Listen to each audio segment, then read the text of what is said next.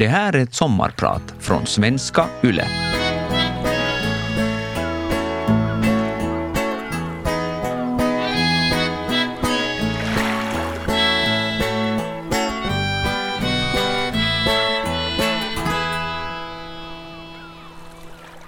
Jag vet hur ädelstenar smakar, också om jag inte längre kommer ihåg det.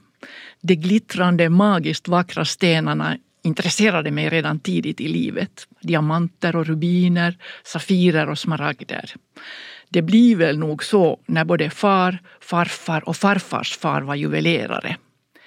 Som tvååring drogs jag redan till min pappa Herberts arbetsbord och när han för en kort stund vände ryggen till passade jag på att knycka en hel näve med små söta burmarubiner och kashmirsafirer, lade dem i min mun och svalde dem i tron att det var karameller.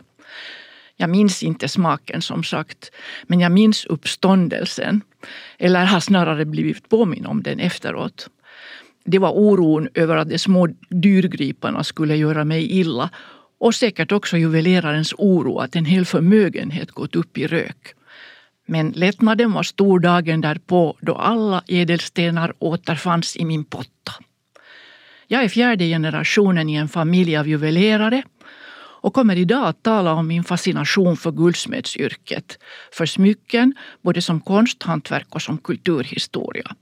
Jag vill också berätta om mitt intresse för den historia varje smycke bär berättelser om dynastier och privatpersoner, juveler och juveldyrkare. Berättelsen om min egen familj och berättelsen om mig. Jag heter Ulla Tillander Godenhjelm och idag är jag din sommarpratare.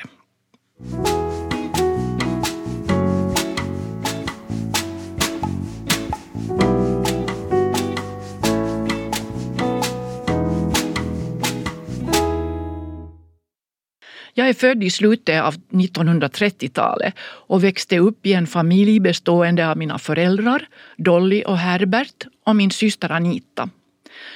Vårt liv kretsade i stort kring familjefirman. Från min barndom kan jag inte påminna mig om andra samtalsämnen vid vårt middagsbord än det som hänt under min fars arbetsdag. Han var helt uppfylld av sitt yrke och det ledde till det att hemma hos oss sällan talades om någonting annat än smycken och ädelstenar. Jag minns att vi barn ofta blev helt uttråkade av föräldrarnas långrandiga samtal. Men det är klart att mycket av det som berättades sjönk in och lagrades i vårt undermedvetna. Vi barn blev nog tidigt medvetna om den yrkesstolthet och de traditioner som genomsyrade familjen Tillander. Vårt yrke var juvelerarens och det skulle vi värna oss om. Men det kanske är fel av mig att ge en så ensidig bild av vårt familjeliv. Visst fanns det andra intressen och speciellt ett. Varje år med sommaren i antågande så togs det paus från juvelerna. Då kretsade familjelivet helt och hållet kring sommarens seglatser, långfärder och skärgårdsliv. Båtlivet var också en familjetradition. Det fick redan sin början i Sankt Petersburg med farfars far och farfar, vilka i bägge generationer njöt av att hissa sina segel vid kejserliga flodjaktklubben i Petersburg och styra båten mot hemlandet och den finska skärgården. Många år senare tillbringade också jag all ledig tid under somrarna i vår segelbåt med min man och våra två döttrar. Det var ett så fint sätt att umgås nära efter ett hektiskt arbetsår då vardagen inte alltid bjöd in till närhet. I segelbåten kan ingen dra sig undan. Man är där tätt tillsammans och det föds fina samtal om stort och smått medan man tyst glider fram genom vår underbara skärgård. Akademiska studier var det aldrig tal om i mitt barndomshem. Sådana hade inte förekommit i familjen. Min far anförtrodde mig en gång att han gärna hade studerat geologi efter sin studentexamen. Men den drömmen fick han ge upp. Yrket, hantverket, det lärde man sig vid guldsmedsbänken i verkstaden, inte på universitetet, sa min farfar. Det var någon gång efter studentexamen det blev klart för mig att jag också hörde hemma i vårt företag. Men jag hade ingen aning om vad jag skulle koncentrera mig på. Jag saknade totalt fingerfärdigheten för själva hantverket. Själv hade jag ett stort intresse för studier. Jag hade gärna skrivit in mig på universitetet för att studera konsthistoria. Det tyckte jag kunde vara min grej. Alltså hur jag då skulle kunna komma in i eh, juveleraryrket. Men det blev en mängd kringelikrokar innan jag kunde förverkliga den drömmen. Mina döttrar har valt helt andra yrkesbanor. Men fädren kan glädja sig åt att min kusin Torbjörn Tillanders döttrar och dotterdöttrar har gått den utstakade vägen. De har lärt sig yrket den traditionella vägen. Och det är verkligt fina representanter för hantverket, nu alltså i sin femte och sjätte generation och med en mycket modern infallsvinkel.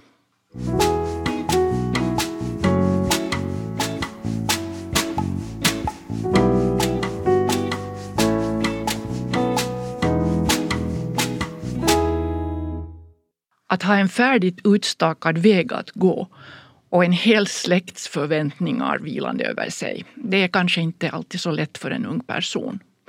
Men motsatsen kan knappast heller vara lätt. Att inte ha något alls att falla tillbaka på. Så var det för min farfars far som grundade vårt släktföretag. Han hette Alexander Edvard Tillander och jag beundrar honom speciellt mycket. Han föddes år 18 1837, exakt ett sekel före mig och var yngste son till en fattig torpare på Talligård i dåvarande Hälsinge socken. Nu för tiden ligger det en golfbana på området. Det var svårt för en torparfamilj att klara sin ekonomi och att mätta alla munnar och i all synnerhet att hjälpa barnen till ett bättre liv än det föräldrarna haft. Den enda vägen till en bättre framtid för en torparpojke i 1840-talets Finland gick via ett hantverk. Och då Alexander fyllt 12 år begav han sig till Petersburg för att söka sin lycka. Ensam flyttade han dit trots att han troligtvis varken kunde läsa eller skriva och inte kunde han ryska heller. Väl framme fick pojken av en slump höra att en guldsmedsmästare vid namn Fredrik Adolf Holstenius, också han från Finland, närmare bestämt från Sjundeå, behövde en lärling det verkade både lockande och utmanande. Tolvåriga Alexander fick lärlingsplatsen. Han hade knappast då en aning om vad guldsmedsyrket innebar och vart det skulle föra honom. Vi vet att unga nykomlingar i gamet fick börja sin lärotid med att varje morgon sopa verkstadsgolvet och självfallet med att springa verkstadens ärenden.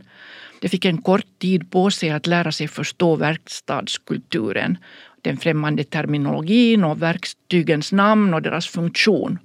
Men rätt snart placerades pojken på en pall intill sin läromästare, en äldre gesäll eller mästaren själv. Och han uppmanades att hela tiden följa uppmärksamt med vad läromästaren gjorde. Rätt snart fick lärningen enkla uppgifter. Det blev mera och mera krävande efterhand. Det tog sju år att lära sig yrket. I slutändan kunde lärlingen titulera sig guldsmedsgesäll. Och nu gällde det då för Alexander att skaffa sig praktik och vidareutbilda sig. Hans mål var att kvalificera sig som mästare. Och fem år senare, då han fyllt 23 år, så fick han sin mästargrad. Det var så att en ung mästare hade rätt att grunda sitt eget företag. Och tillsammans med några andra nyblivna mästare hyrde han ett utrymme i ett hus vid den kända gatan Balshaja Morskaja. Det var gatan där ett stort antal av stadens guldsmeder hade etablerat sig. I folkmun kallades gatan Diamantgatan. Det kända företaget Fabergé hade också sina verkstäder och sin affär på den här gatan.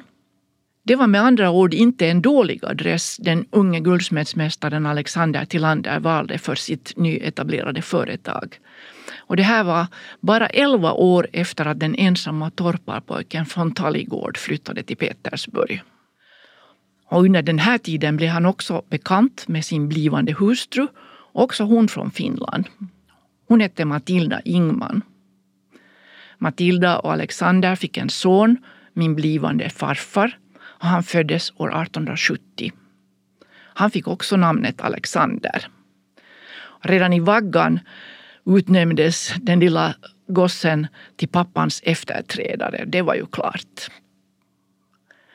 Min farfar hade en helt annan utgångspunkt i livet. Den självlärde fadern gjorde sitt allt för att jämna sonens väg till framgång. Han fick gå i skola i hela åtta år. Och efter skolgången lärde han sig guldsmedsyrket i faderns verkstad och avlade gesällexamen på tre år. Den unga privilegierade generationen behövde inte gå den långa vägen med början som städ och springpojke. Efter gesällexamen skickade pappan pojken utomlands för att eh, praktisera.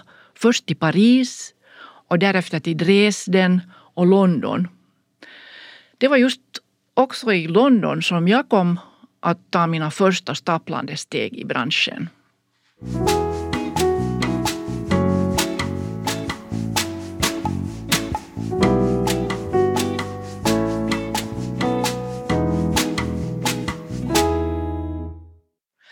Innan vi beger oss till London och mina första stapplande steg i branschen så vill jag ännu gärna berätta fortsättningen på släkthistorien.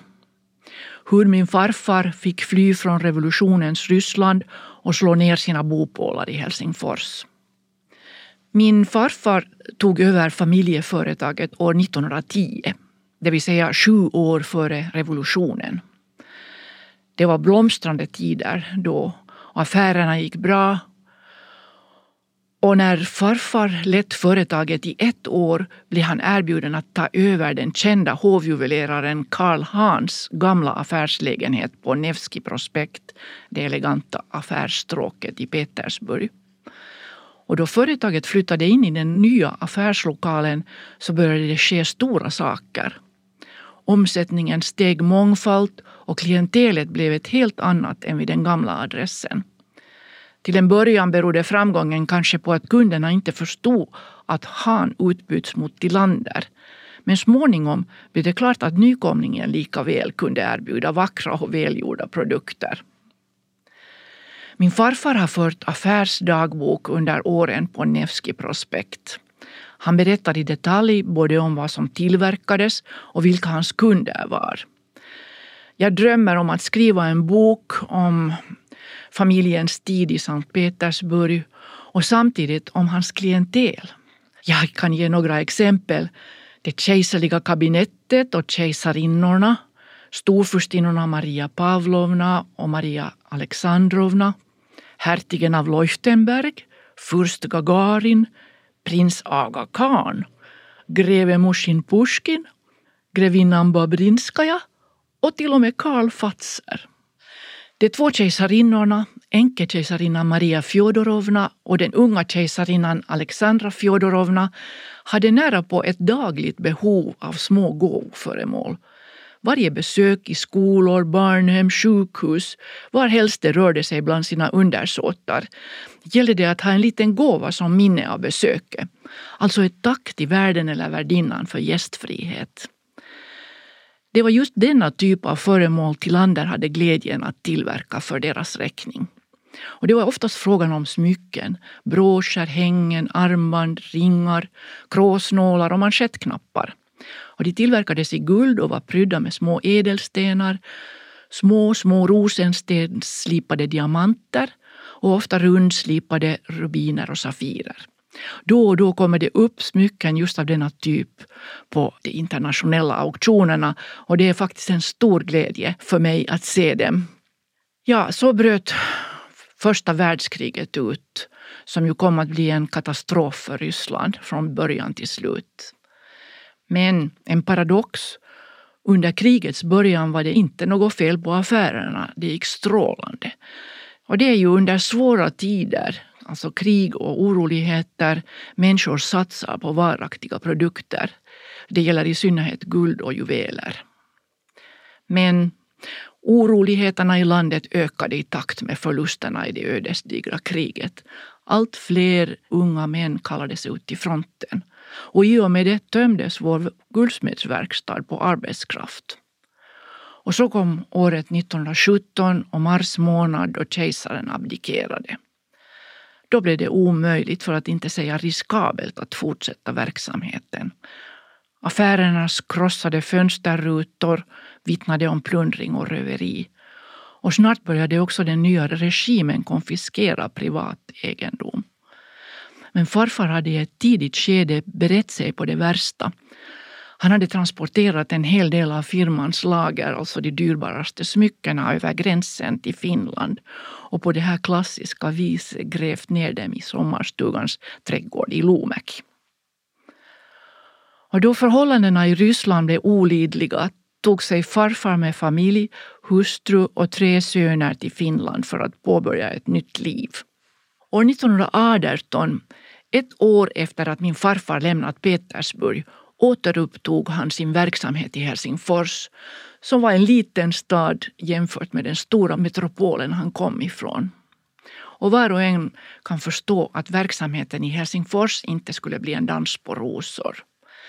Finländarna hade under dessa oroliga år helt andra saker att tänka på än smycken och ädelstenar.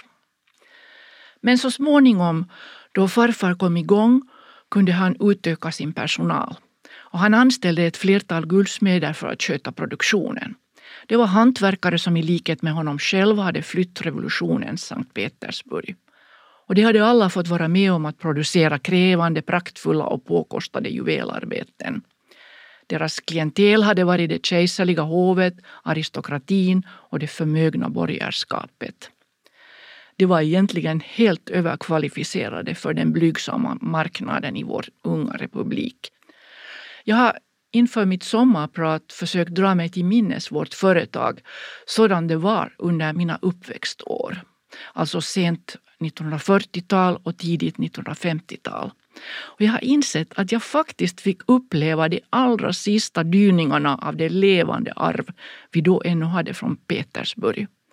Min farfar hade redan avlidit men många av hans hantverkare var ännu aktiva under min barndom. Trots att de alla var finländare använde de ryska som sitt gemensamma arbetsspråk och jargong. Jag kommer väldigt väl ihåg stämningen i verkstaden då jag som liten flicka fick titta in där den var mycket speciell. Det surrade och sorlade av främmande ord och tonlägen där guldsmederna satt i rad vid sina arbetsbord och många av dem med en ung lärling på en pall intill sig. De äldre guldsmederna underhöll sina lärlingar med historier om de sagolika smycken de varit med om att tillverka och beskrev den krävande tekniken. I min barndom satt en central person på ritkontoret i företaget. En liten, vänlig och pratglad man med runda glasögon. Han talade svenska med en stark rysk brytning. Han var vår smyckedesigner Oskar Voldemar Pil. Oskar besöktes ofta där på ritkontoret av en vänlig och anspråkslös dam. Hon var hans syster. Och det var ingen i vår krets som tänkte på vem Oskars syster egentligen var. Det var känt att hon i likhet med många andra på företaget varit verksam hos Fabergé, så det var nu inte så märkvärdigt.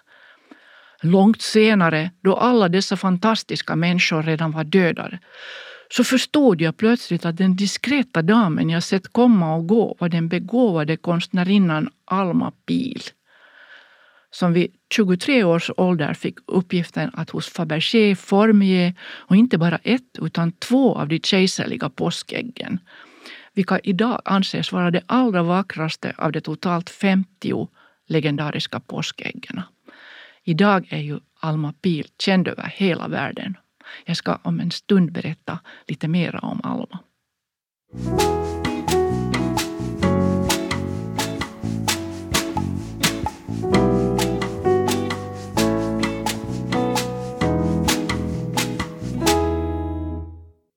Mitt namn är Ulla Tillander Godenhjelm och idag är jag din sommarpratare. Efter studentexamen blev det Handelshögskolan för mig. Kanske inte den rätta studieinriktningen. Helst hade jag studerat konsthistoria vid universitetet. Men hur som helst, efter tre år hade jag diplomekonomexamen. Min far hade sedan några år tillbaka börjat tala om att äh, vårt företag borde ha en representant någonstans i Centraleuropa där det händer så mycket inom vår bransch och att denna representant skulle vara jag. Till en början ansåg jag tanken helt orealistisk. Jag saknade ju helt den erfarenhet och kunskap som krävdes för att uppfylla alla de visioner som lades fram. Men min far, han lät sig inte hejdas i sina planer.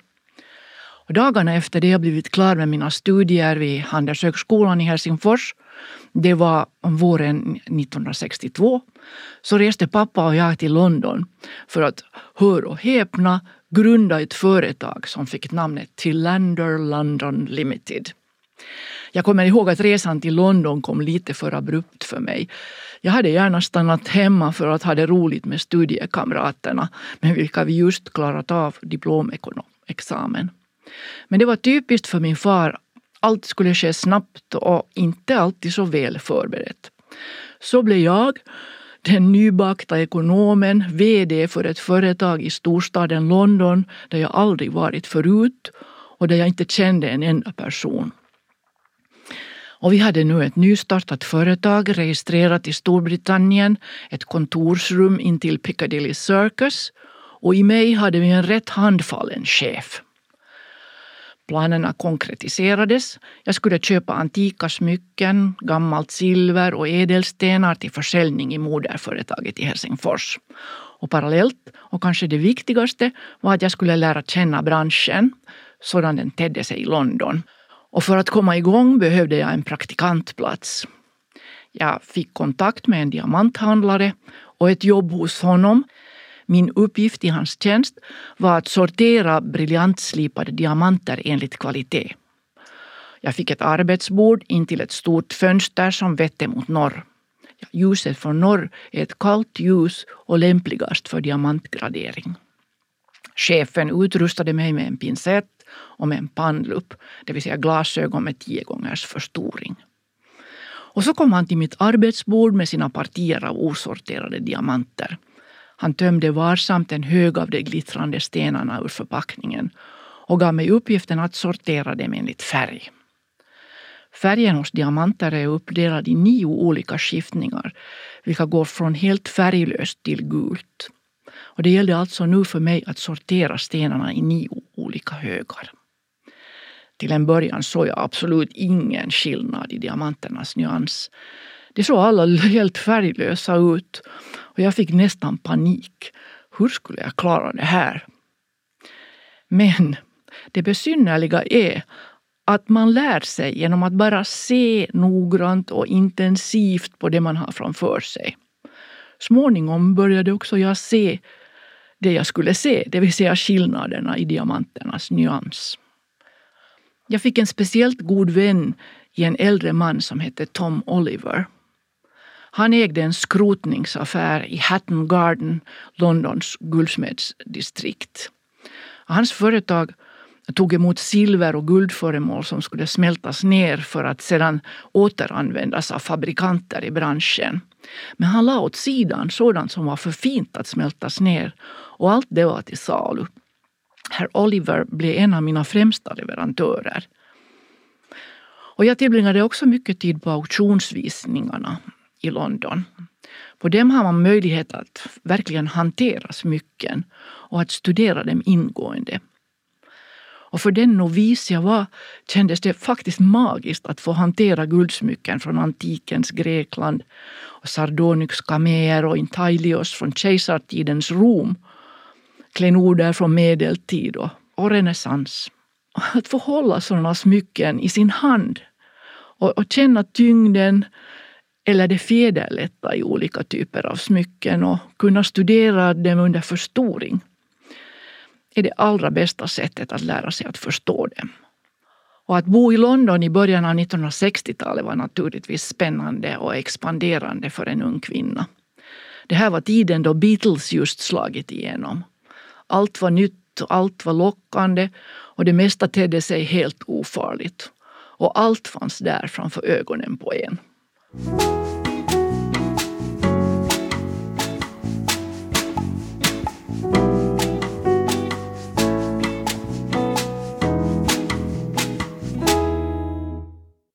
Jag har haft glädjen att få beundra många kända historiska juveler och klenoder i mitt liv. Men min finaste upplevelse var den då jag hösten 1973 fick se den magnifika kronjuvelen Le Grand Sancy på riktigt nära håll. Le Grand Sancy är en av världens mest kända historiska diamanter.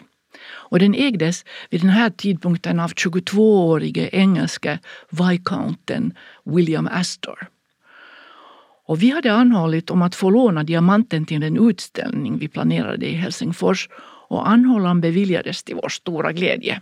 Och nu var jag då alltså i London för att avhämta diamanten. Viscount Astors sekreterare tog emot mig. Han hade uppdraget att överlämna dyrgripen till mig. Och vi satte oss ner för att skriva på lånepappren. Då öppnade han etuiet där diamanten låg. Jag har nog svårt att förklara hur det kändes och hur jag reagerade då jag fick se den vackra tingesten och sen ta den i min hand. Det låter konstigt men jag blev helt förtrollad av den bildsköna diamanten som har formen av en droppe. På fackspråk talar vi om päronform. Den är slipad med facetter över hela den kupiga ytan och gnistrar alldeles sagolikt. Men hur stor del av Sansis fängslande historia spelade in under ögonblicket jag fick se den är lite svårt att avgöra, men säkert en stor del. En juvel eller ett smycke får en helt ny dimension, självfallet också värde, då man får reda på dess historia och får veta vem som ägt juvelen eller burit smycket. Kända historiska diamanter har ofta dramatik i bagaget. Så också Sansi-diamanten. Den hämtades till Europa från sitt ursprungsland Indien någon gång på 1500-talet. Eh, för att sen ungefär hundra år senare bli en kronjuvel i England. Och efter politiska förvecklingar kom den till Frankrike och den köptes av solkonungen Ludvig den XIV. Sansi började då sin långa historia som fransk kronjuvel. Solkonungens sonsons son, Ludvig den XV, var ett litet barn då han ärvde tronen och han kröntes vid 12 års ålder. Och då fick Sancy-diamanten den mest prominenta platsen i kröningskronan. Den satt i den franska liljan som var symbol för monarkin.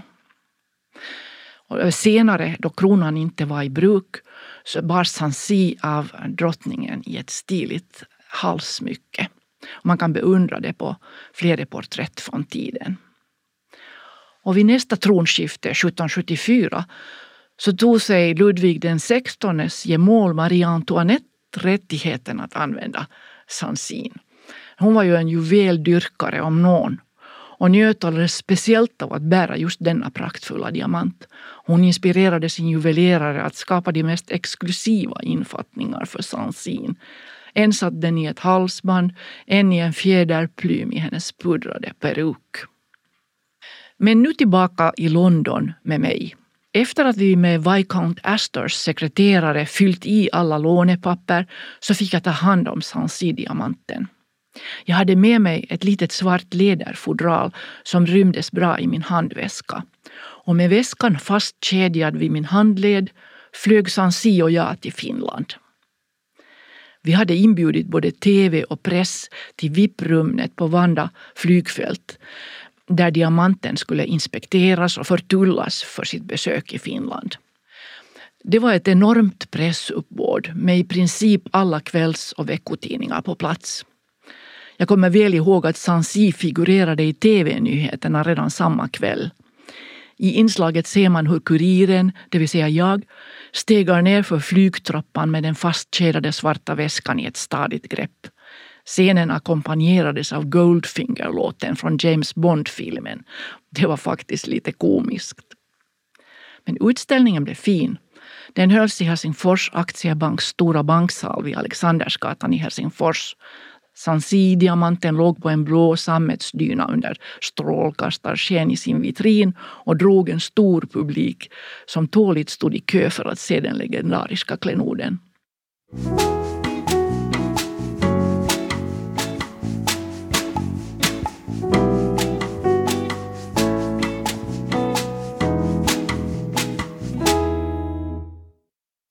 Under mina första år som chef för A. Tillander i Helsingfors skedde det en förändring i guldsmedsbranschen i vårt land.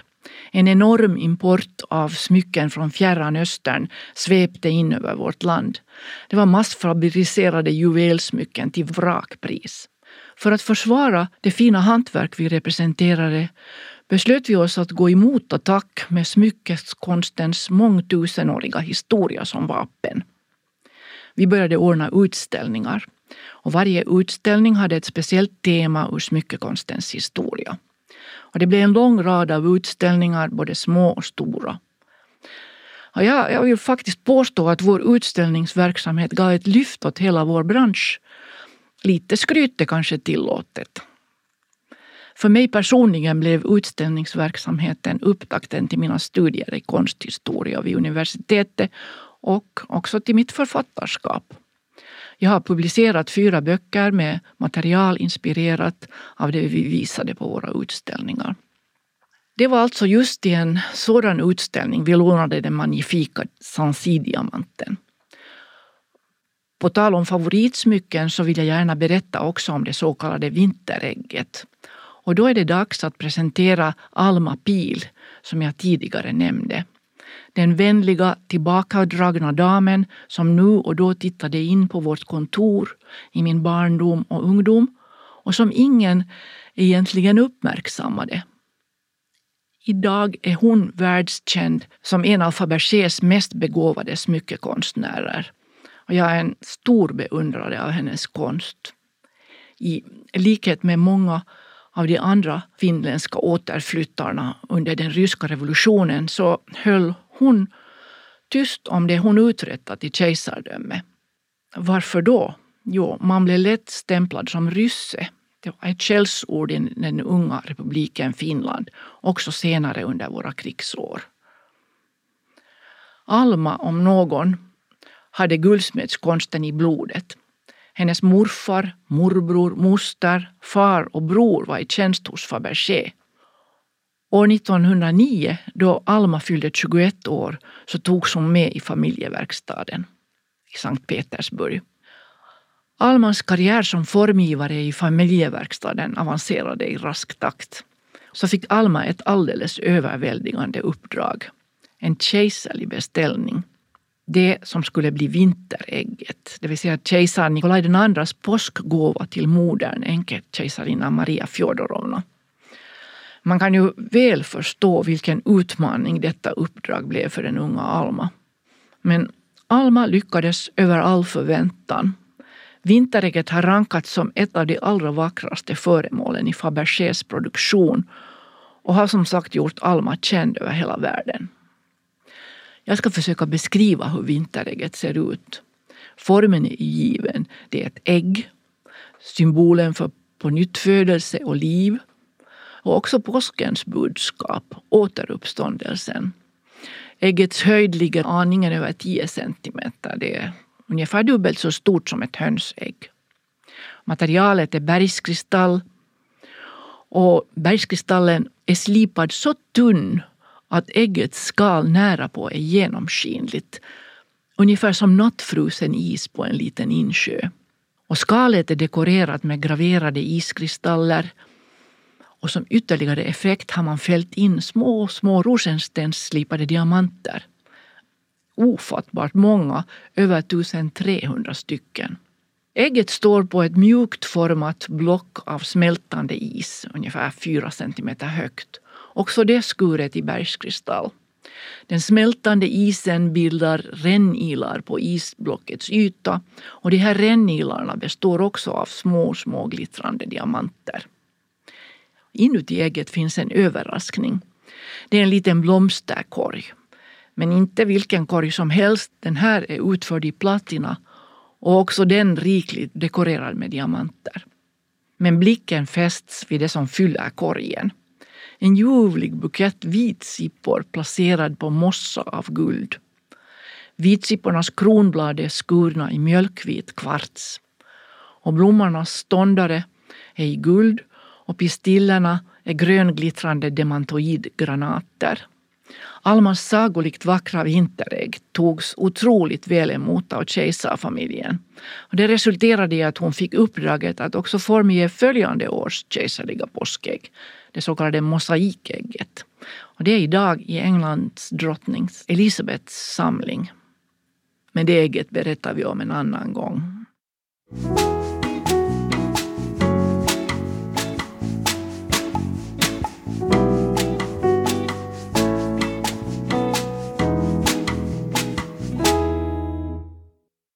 Efter ett helt liv i familjeföretagets tjänst öppnade sig äntligen en möjlighet för mig att förverkliga min ungdomsdröm. Jag började studera konsthistoria vid universitetet i början av 80-talet. Då var jag i 50-årsåldern. I början av mina studier var jag tvungen att studera på distans. Jag hade ju heltidsjobb och familj med barn i skolåldern. Men jag var fullständigt fångad av mitt läsande och avläggande av tentamina. Det var otroligt stimulerande som en motvikt till yrkesarbetet. Och småningom märkte jag också nyttan av studierna i mitt arbete. Och så en dag i början på 1990-talet så kunde jag titulera mig filosofie magister i konsthistoria. Jag skrev min gradu om de kända 1800-talsguldsmederna Roland och Otto Roland Melin som var verksamma i Helsingfors. Det här skedde ungefär samtidigt som jag slutade jobba. Studierna hade varit så givande och stimulerande och jag hade all lust i världen att fortsätta och till min stora glädje sporrade mina lärare mig till det. Och det var också givande att sitta sida vid sida på föreläsningarna tillsammans med en yngre generation och bli behandlad som en likvärdig studiekamrat trots åldersskillnaden. Det tog mig tid att fundera ut vad min forskning skulle handla om. Mitt ämne blev belöningssystemet i det kejserliga Ryssland under Nikolaj den andras tid, det vill säga slutet av 1800-talet fram till revolutionen. Och belöningssystemet, vad betyder det? Ja, det kejserliga Ryssland hade ett mycket sofistikerat system för att belöna meriterade undersåtar. Ett system som skapades redan av Peter den store. Under sin karriär i statens, eh, alltså kejsardömets tjänst, belönades personer i militär, civil och hovtjänst med ordnar, titlar, adelskap och också gåvor som bestod av de finaste tänkbara guldsmedsarbeten. Bland annat juvelprydda snusdosor med kejserliga emblem, smycken, briljanterade kejsarporträtt och så vidare. Belöningssystemet hade inte tidigare utretts i sin helhet och det kändes för mig mycket lockande att få utforska det. Forskningsarbete för min doktorsavhandling tog mig flera år och det var en otroligt spännande tid för mig. Forskningen krävde en hel del studier både hemma och utomlands. Väl hemma i Finland och vid mitt arbetsbord jobbade jag över två år för att få texten till min avhandling i en form jag hoppades kunde bli godkänd som en doktorsavhandling. År 2005 blev det disputation för doktorsgraden och det kändes fint då det var väl överståndet. Och lite stolt måste jag ju tillstå att jag fick betyget laudator för mitt arbete. Mitt postdoktorala liv har varit härligt. Jag har inte suttit hemma i gungstolen.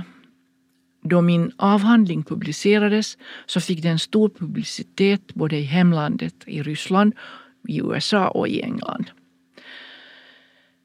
Jag kan vara glad över att den togs väl emot i Ryssland. Det är alltid lite känsligt då en utlänning tar sig för att studera något som tillhör dem.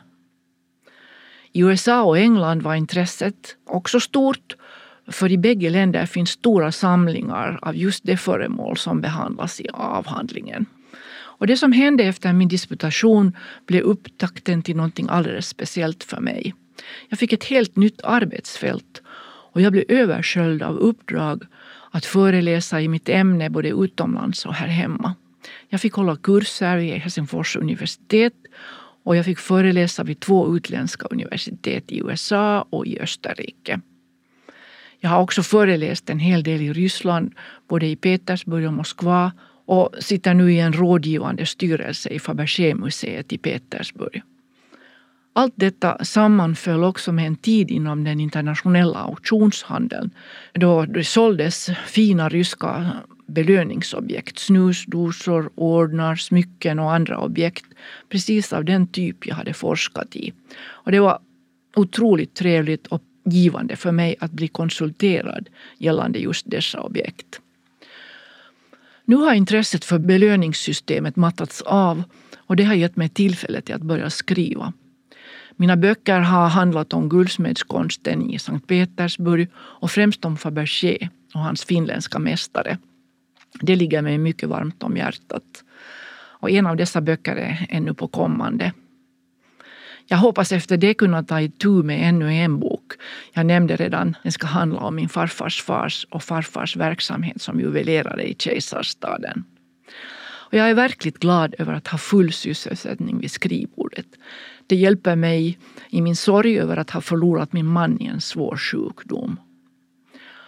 Men jag är tacksam över att ha en härlig familj, mina döttrar och svärsöner, barnbarn och underbara vänner som stöder mig.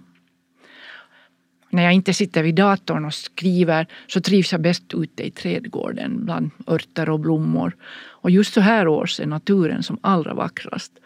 Pioner, rosor, riddarsporrar och aklejor kan ju mycket gott tävla i skönhet med alla de dyrgripar jag som har pratat om. Och dessutom har det det svårslagna trumfkortet, doften. Att i skymningen fylla lungorna med den underbara doften fyller mig kväll efter kväll med tacksamhet. Mitt namn är Ulla Tillander Godenhielm och idag har jag varit din sommarpratare.